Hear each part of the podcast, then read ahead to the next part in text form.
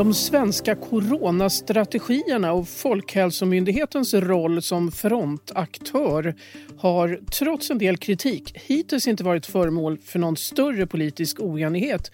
Men nu ligger Sverige sämst till bland de nordiska länderna igen när det gäller smittspridning. Hanteringen av äldre under pandemin har fått skarp kritik och det verkar som om Stefan Löfven och regeringen vill ta över kommandot.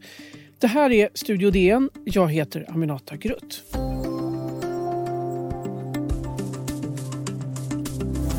Alla saker som du skulle vilja göra men inte är nödvändiga, ställ in, boka av, skjut upp. Ja, det här var statsminister Stefan Löfvens kärnbudskap i talet till nationen häromdagen.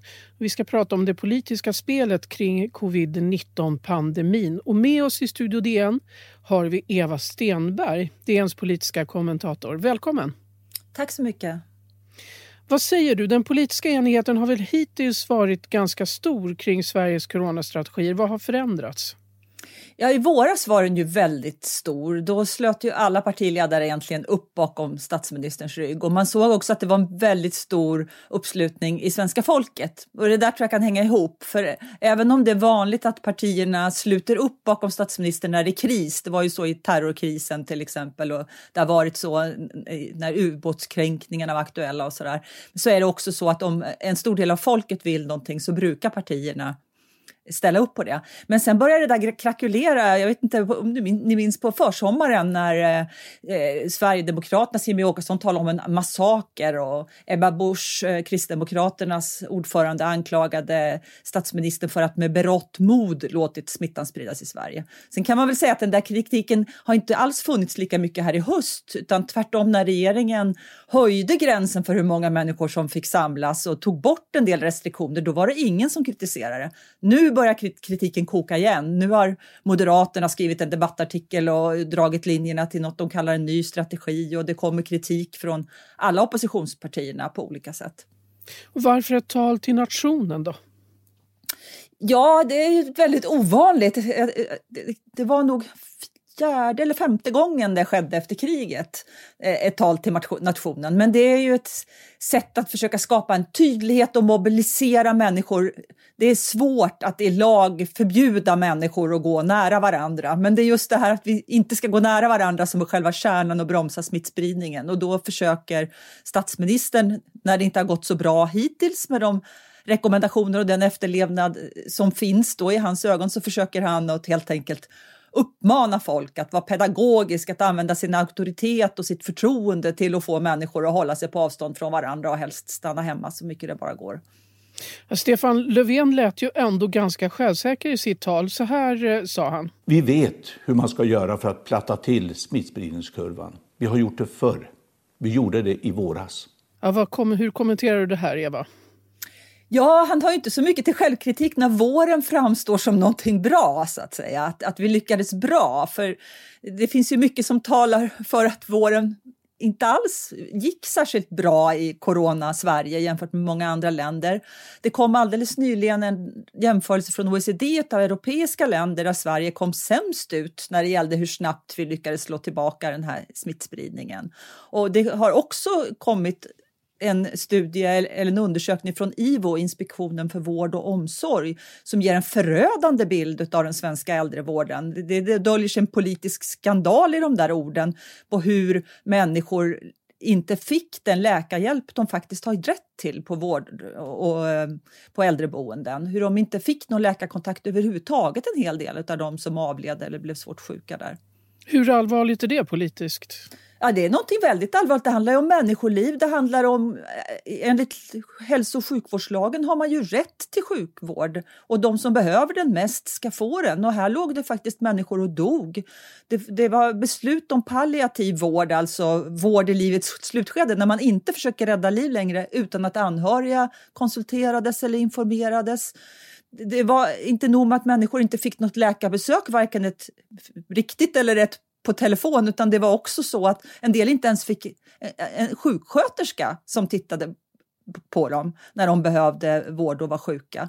Så att eh, det, det, som kommer att dämpa skandalen i det där är väl att det gäller alla regioner mer eller mindre de har granskat. Så det är inte så att många regioner styrs av Moderaterna så att säga och, och en del styrs av Socialdemokraterna och regeringen leds av en socialdemokrat. Det, det, ansvaret slår ju på många så att säga. Det är inte en som man kan lägga allt ansvar på, men det där är ju väldigt, väldigt grava missförhållanden som ju faktiskt skulle kunna kostat livet på många människor. Och det här talet till nationen, då, är det något slags försök att undvika att eh, politiskt spel skulle kunna fälla regeringen kring covid-strategierna? Eh, jag tror snarare det är ett sätt att försöka få ner smittspridningen från Stefan Löfven för att eh, av många skäl så måste regeringen få det, annars kommer fler att dö och, det kommer att, och sjukvården kommer inte att räcka till. De har ju redan gjort en stor kraftansträngning så att säga och det är väldigt svårt att upprepa den och nu stiger det så otroligt snabbt de här sjukvårdsinläggningarna eh, av covidpatienter. Så att eh, även om vården är mycket bättre på att ta hand om dem så måste ju de anställda räcka till. Så jag tror att han vill bromsa det där. Men det är klart att det är viktigt när man går till val hur det har gått. Men man kan ju notera att de opinionsmätningar som har gjorts så är det fortfarande ett väldigt starkt stöd för den svenska coronastrategin. Det finns inte någon stor majoritet och det finns egentligen inga partier heller som kräver en nedstängning eller som kräver en mycket liberalare strategi där man låter allt pågå ungefär som vanligt. Ja, ska statsministerns tal till nationen häromdagen ses som början på en vinter med fler politiska beslut för att stoppa corona? Det ska vi strax tala mer om.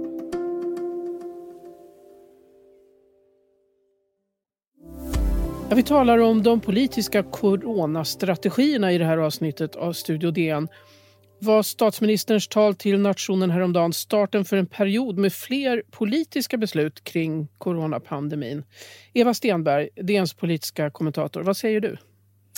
Det kan det mycket väl vara. Det beror på hur framgångsrikt det där talet och alla andra åtgärder som har satt in det egentligen är. För om smittan vänder och börjar gå ner, då behövs ju inte kanske så många andra åtgärder utan då kanske de här som nu införs räcker och att den här rekommendationen om att inte träffas fler än åtta och att bara umgås med dem i sitt eget hu hushåll fäster.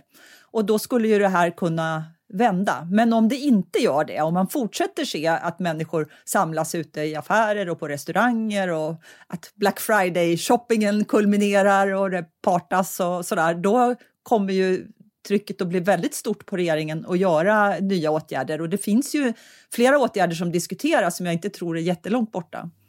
Vad är det för några åtgärder då? Ja, en skulle kunna vara att helt eller delvis stänga ner gymnasierna mer om man ser att smittspridningen ökar i just den åldersgruppen.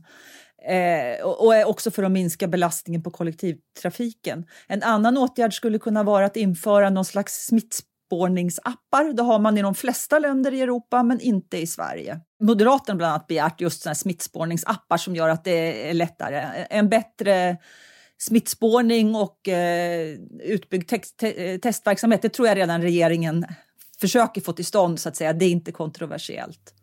Behövs det ny lagstiftning på något sätt? Ja, om det här inte får fäste då kan regeringen behöva någon form av coronalag eller pandemilag.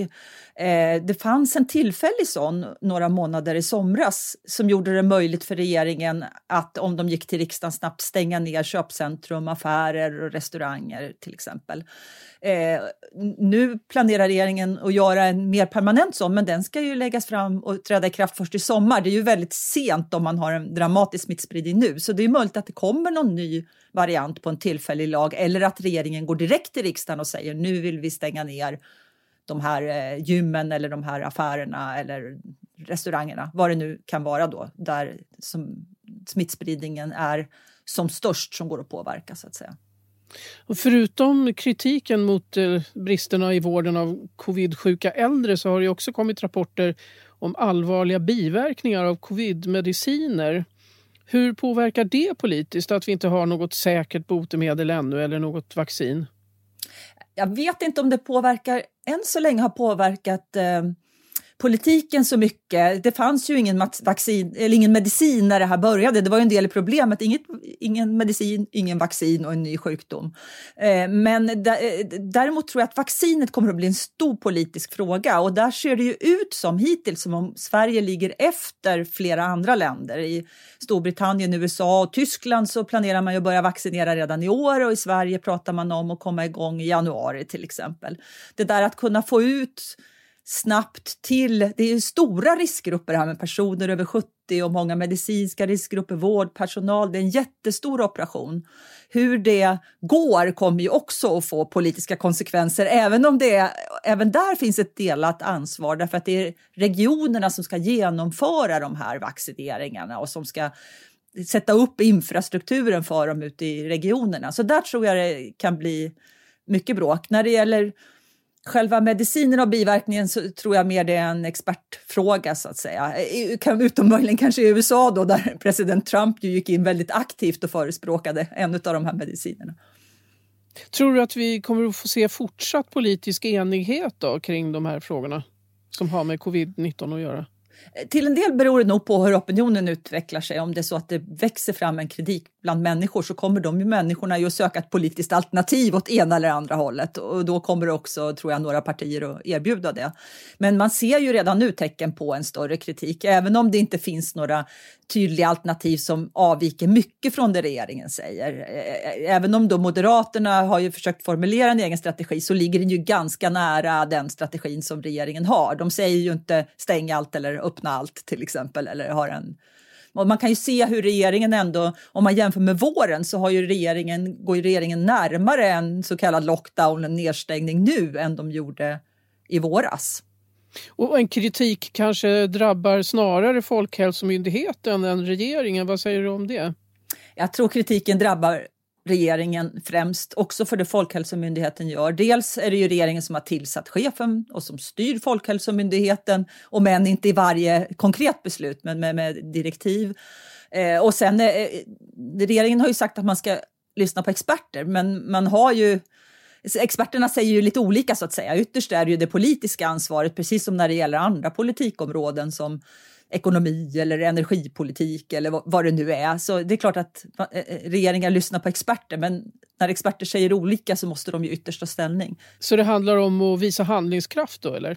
Ja, men regeringen har ju också gjort misstag här. De införde, de höjde ju gränsen för folksamlingar från 50 till 300 personer när smittspridningen redan hade börjat öka ganska mycket. Eh, och de har baserat mycket planering på eh, felaktiga scenarier från Folkhälsomyndigheten. Men det är också regeringens ansvar så att säga att man har en ordentlig planering eh, och, och kollar. Så att eh, trycket och det finns ju en kritik i, har funnits också i regeringen och regeringskansliet, Folkhälsomyndigheten inte har varit så tydliga i sina rekommendationer och där har ju regeringen försökt gå in och som vi hörde statsministern, ställ in, låt bli. Han har försökt gå in och säga res inte bort i påsk. Och sen har Folkhälsomyndighetens generaldirektör sagt man kanske ska överväga om det verkligen är nödvändigt att åka bort i påsk. Så man, den där skillnaden har man ju sett, men den har växt mycket nu. Kommer det att bli fler tal till nationen tror du framöver här? Jag vet inte, det ska bli intressant. Jag har inte sett några tittarsiffror, men hur många som egentligen såg det, om inte det förlorar lite effekt. Om man gör det väldigt sällan så tror jag att människor skakar till och undrar vad det här är. Men om det blir någonting återkommande så, så är jag inte alls lika säker på att människor kommer att lyssna. Jag tror att det, det blir ett slöare och slöare politiskt vapen så att säga, ju fler gånger som man gör det. Tack så mycket Eva Stenberg, DNs politiska kommentator.